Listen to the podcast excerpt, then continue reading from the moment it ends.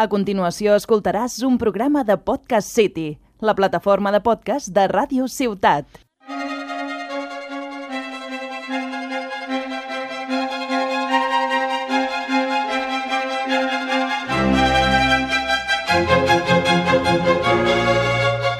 Entrevista a la vista amb Conrad Hortolà. Benvinguts a un nou episodi d'aquest espai d'entrevistes de ciència i cultura. Avui tenim de convidada a la Marina Lozano, que és doctora en Història, investigadora de l'IPES i professora associada de la UEOHB. Bona tarda, Marina. Com va tot? Hola, bona tarda. Molt bé, gràcies. Així m'agrada. Per començar, quina és la música clàssica que has triat i per què? Doncs he triat Cla de Lluna de Beethoven i l'he triat a banda de perquè és una música que m'agrada bastant, perquè ara el 2020 es commemora el 250 aniversari del, del naixement de, de Beethoven i llavors he pensat que era una bona oportunitat. Tu ets especialista en la dentició de les poblacions antigues. Quin tipus de mostres estudies? Eh, les mostres que estudio són bàsicament dents, però no només les dents, sinó eh, la maxila i la mandíbula, que són els suports naturals de, de les dents. I les mostres que normalment analitzo tenen una cronologia bastant, bastant àmplia. Entesos. Què analitzes en aquestes mostres? Eh, les dents, afortunadament, ens proporcionen moltíssima informació. Es diu popularment que són com les caixes negres del nostre esquelet, perquè en ells queda registrada moltíssima informació, des de, per exemple, el desenvolupament de, de les dents i el desenvolupament de l'individu. També ens donen informació sobre aquest creixement, sobre què menjaven, sobre les patologies que tenien i per tant doncs, eh, ens poden donar tanta informació que estudiem totes les seves vessants. Per exemple, la morfologia és molt interessant perquè gràcies a la morfologia dental es poden identificar diverses espècies perquè es diferencien les dents d'una espècie a una altra. A més, com que perduren molt, són eh, restes arqueològiques que es troben molt sovint als jaciments arqueològics i per tant ens donen moltíssima informació. També estudiem les patologies que, que hi han, tant patologies que s'han pogut formar doncs, des del moment de la, de la gestació com patologies adquirides, no només que afectin a les dents, sinó que també afecten els maxil·lars i les mandíbules.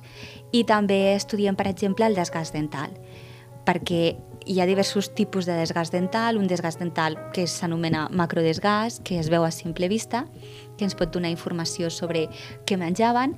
També analitzem, per exemple, el microdesgast, que és un desgast més específic que també ens dona informació sobre el que, el que menjaven aquests individus. D'acord. I quins tipus de patologies t'has trobat, tu? Vale. Eh, és, aquesta pregunta és molt interessant perquè el tipus de patologia varia segons la cronologia, per exemple, dels individus que estem analitzant. Eh, a individus més antics, doncs, per exemple, primers representants del gènere Homo, moltes vegades les patologies que tenen són molt escasses. Eh, hi ha, per exemple, molt poques càries. En canvi, a mesura que anem avançant en el temps cap a nosaltres, sí que ens comencem a trobar unes patologies que són més semblants a les nostres i que ens són més familiars, com per exemple la càries dental, la placa bacteriana, peri malaltia periodontal, etc. Llavors sí que són malalties que ens podem trobar. També hi ha malalties dentals, com per exemple els abscessos dentals, que afecten al maxil·lar i a la mandíbula i que són bastant comuns. Malformacions dentals, per exemple, a partir del neolític hi ha tot un seguit de condicions que s'assemblen ja molt, molt a les nostres, com per exemple que comença a aparèixer el mal posicionament dental, és a dir, les dents doncs, que no caben bé, ben bé al maxil·lar o la mandíbula estan mal col·locades i per tant les dents no estan en la seva, en la seva posició corresponent. Increïble. De quina època són els exemplars que estudies? Doncs, afortunadament, puc eh, accedir a restes arqueològiques d'un ventall de cronologies molt àmplies. Les més antigues que he tingut la sort d'analitzar són restes dentals de Homo antecessor, que és un hominí que s'ha trobat al jaciment de, de la Grandolina, a la Sierra de Tapuerca, i que té una cronologia de 800.000 anys. Són les més antigues que, que he pogut a, analitzar. I després fins a restes molt més modernes, sobretot a partir de l'edat del bronze, encara que ocasionalment he analitzat algunes restes mm, d'època medieval, però no és el període que normalment analitzo. Està bé. Quins grans equipaments fas servir per analitzar el desgast dental i qualsevol anomalia o alteració? Per analitzar el desgast dental, nosaltres el que fem primer és fer una valoració macroscòpica d'aquest desgast, és a dir, fer una anàlisi, diguem, a simple vista per valorar el grau de desgast que tenen les dents. Amb això ja ens pot donar una certa informació, per exemple, relacionada amb l'edat de l'individu. Gràcies a que tingui més o menys desgast, podem saber més o menys l'edat d'aquest individu una vegada tenim això ja analitzat, ja estudiat, el que fem és que seleccionem algunes dents per mirar-les amb aquests grans equipaments. Normalment, si estic treballant en qüestions relacionades amb el microdesgast dental, el que analitzem són molars, perquè són els que ens donen una informació més relacionada amb la dieta, amb el que menjaven aquests individus, i ho analitzem amb diferents tipus de microscopis. Els tipus de microscopis que nosaltres utilitzem són de dos tipus. El més comú i el que s'ha utilitzat des de més antic és la microscopia electrònica de rastreig, tant la seva vessant normal com en la seva vessant ambiental, i després també analitzem amb la microscopia confocal, que és un tipus de microscopi que és relativament més nou i s'està començant a, a utilitzar des de fa menys temps. Espatarrant, per quin motiu es desgasten les dents? Uh, les dents es desgasten és una conseqüència lògica d'un material que s'utilitza. Tots els materials que utilitzem s'acaben desgastant. Doncs les dents també es desgasten. Les dents estan formades per una capa externa, que és la que nosaltres veiem quan obrim la boca, que és de color blanc i que s'anomena esmalt dental. Aquest material dental és bastant dur. És bastant dur perquè és pràcticament inorgànic. El que succeeix és que amb la fricció i amb l'abrasió del seu ús durant el mastegament eh, es va desgastant.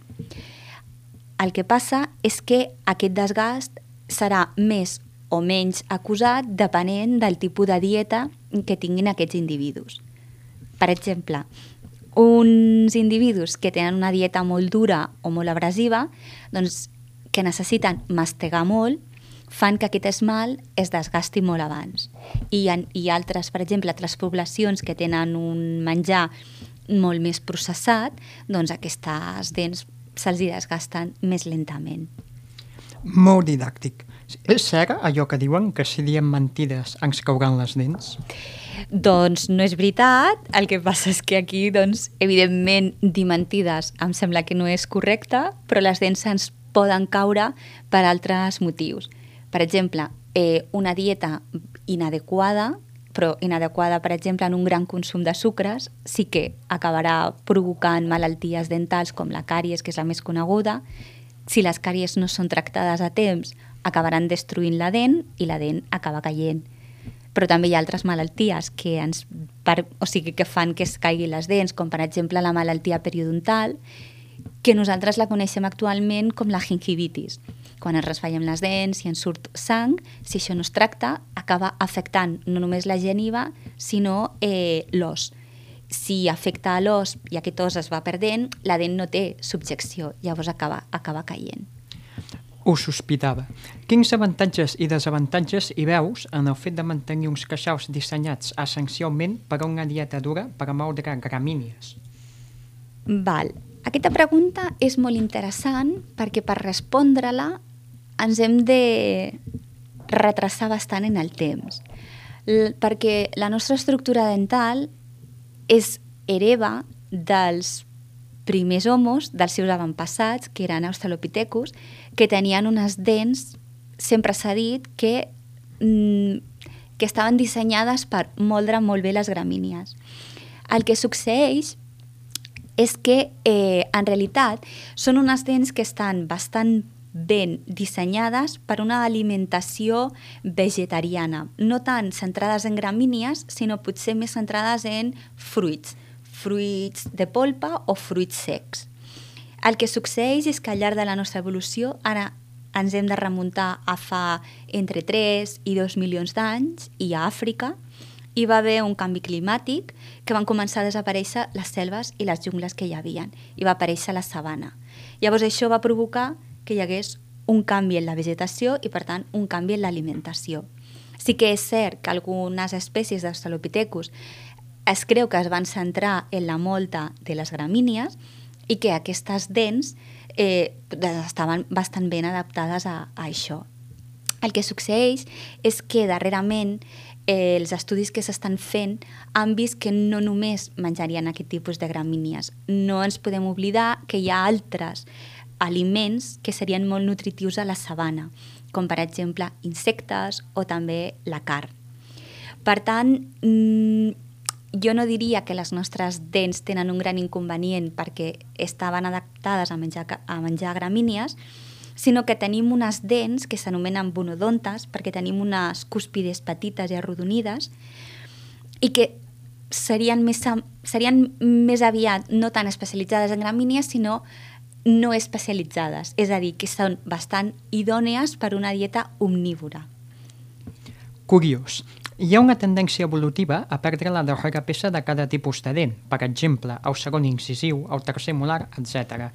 Això està relacionat només amb la reducció de la grandària de la mandíbula o hi ha alguna cosa més? Val. Aquesta, aquesta teoria és certa si la apliquem evolutivament als mamífers en general. Però com que la meva especialitat són les denticions humanes, eh, sí que haig de dir que la nostra fórmula dental, tenir a cada mandíbula i a cada costat dos incisives, una canina, dos premolars i tres molars, s'ha mantingut estable ja des dels australopitecs, és a dir, des de fa més de 4 milions d'anys. Sí que és veritat que amb l'evolució humana el que ha succeït és que, mm, sobretot en els darrers temps, estic parlant des de a partir del Neolític. A partir del Neolític, posem fa uns 6.000 anys, hi va haver un canvi d'alimentació molt gran. Aquest canvi d'alimentació molt gran el que acaba implicant és que cada vegada els nostres aliments estan més processats. Un aliment molt processat normalment vol dir que necessita un temps de mastegació molt curt i per tant les dents no s'utilitzen tant. Això el que ha afavorit en la nostra evolució és una reducció de l'esquelet facial, de tota la cara i en concret de la mandíbula i del maxilar. Això ha estat així perquè evolutivament és més fàcil que disminueixin els tamanys o que canvin i s'adaptin als ossos que no pas les dents. Les dents en aquest sentit són més conservadores i triguen molt més en canviar o en adaptar-se genèticament. I el que ha succeït és que les dents no caben dintre de les, de les mandíbules. Llavors sí que és cert que la tendència evolutiva que s'està veient és que cada cop no apareguin els tercers molars, els queixals del seny. Hi ha moltíssima gent que no li surten, hi ha molt, però se'ls han format i els tenen a l'interior de les mandíbules i els maxilars i acaben donant problemes molta gent que els hi apareixen i acaben donant problemes i també hi ha cada vegada més gent que no se li formen algunes de les quatre, dels quatre queixals del seny. Bàsicament perquè no els necessitem i a la nostra mandíbula no hi caben. Molt bé. Quines patologies dentals i orals es troben en els fòssils humans?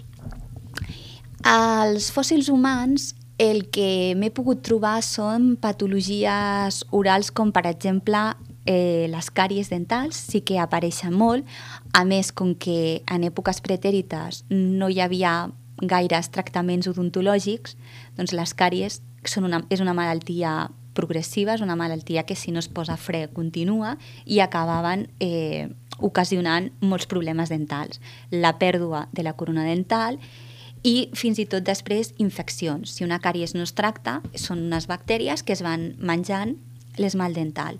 Llavors això acaba provocant un forat a la dent i si aquest forat arriba a la part més interna de la dent, que és on estan els nervis, això pot produir a part de molt de mal, pot produir eh, una infecció, una infecció que es pot anar traslladant a altres parts de la, de la mandíbula. I això queda evidència en les restes, en les restes òssies i ens ho trobem bastant, bastant d'una manera bastant comuna. També trobem evidències de càlcul dental, que és molt interessant perquè a banda de ens pot ajudar a saber una mica com era la dieta, és a dir, es creu que les dietes que tenen molts hidrats de carboni són dietes que afavorien la càries i les dietes, per exemple, més riques en carn afavoreixen el càlcul dental. Llavors, gràcies a l'estudi de les patologies dentals, també podem saber doncs, una mica com era la, la seva dieta. Inquietant. Tu has estudiat materials de diferents centres durant la teva època de doctoranda. Quins records tens del teu pas per a la Universitat de Cambridge? Doncs a la Universitat de Cambridge vaig fer una estada d'un mes bastant intensiu perquè allí al Departament d'Antropologia i d'Arqueologia Biològica ja tenen una col·lecció que s'anomena eh, Duckworth Collection que el que tenen són cranis de poblacions d'aborígens d'arreu del món. Llavors, eh, vaig demanar permís per, per accedir a veure aquestes col·leccions i a mi el que m'interessava era sobretot analitzar les dents anteriors, que són les incisives i les canines, d'individus aborígens australians, d'individus esquimals, de persones de fueguins de la Patagònia i també alguns de Sri Lanka, etc.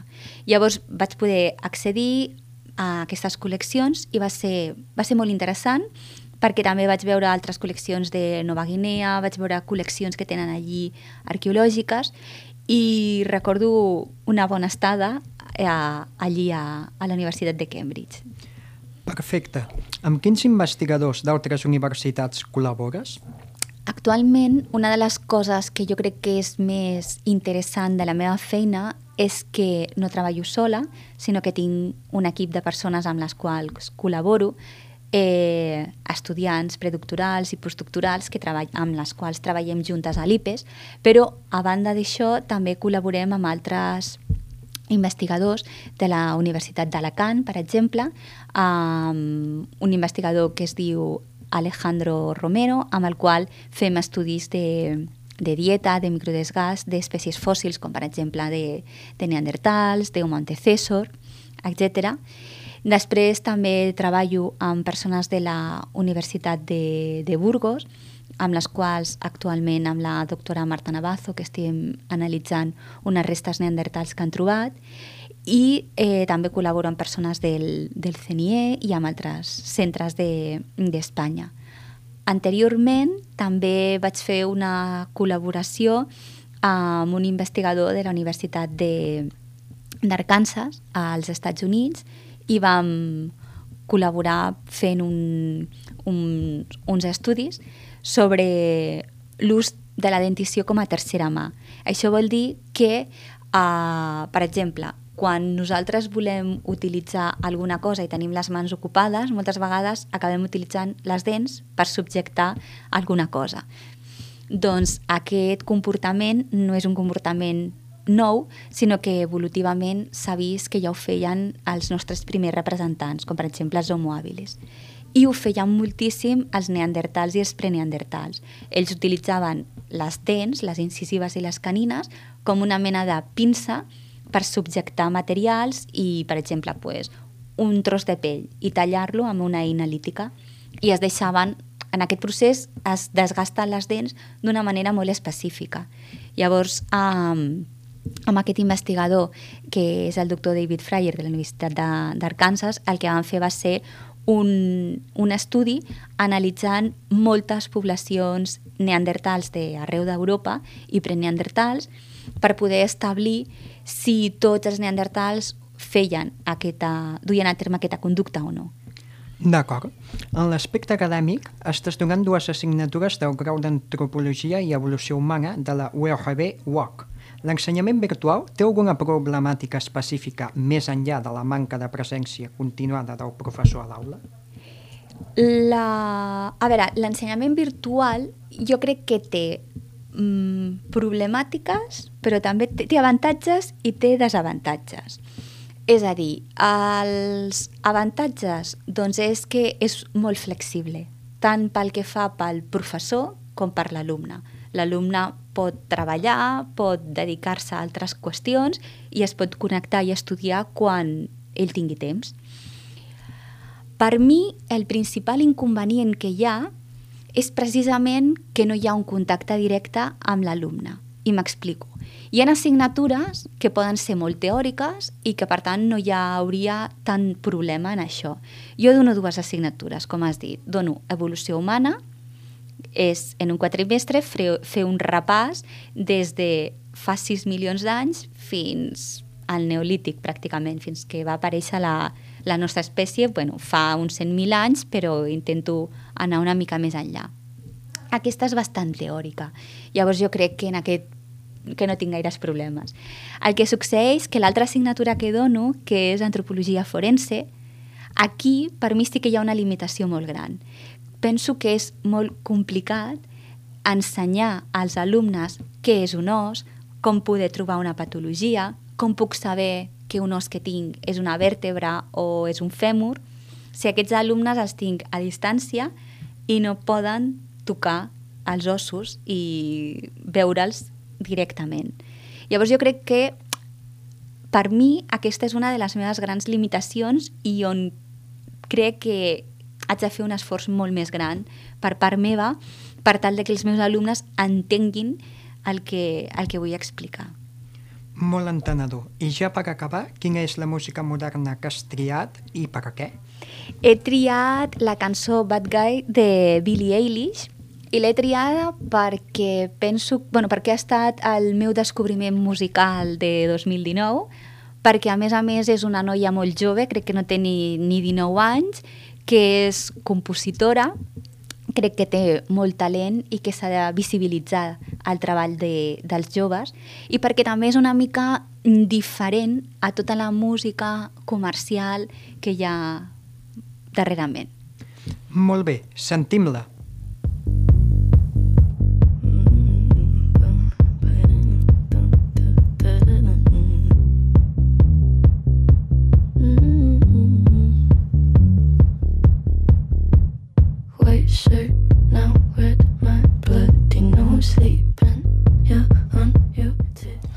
Doncs moltes gràcies, Marina. Amb Bat Guy ens acomiadem de vosaltres. El control tècnic ha estat Toni Garcia, a la coordinació Arnau Curto i a la locució qui us parla, Conorrat Hortolà. Fins al següent programa.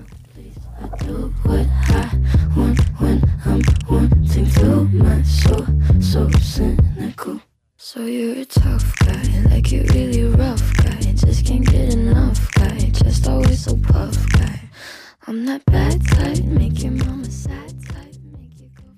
Has escoltat un programa de Podcast City, la plataforma de podcast de Ràdio Ciutat.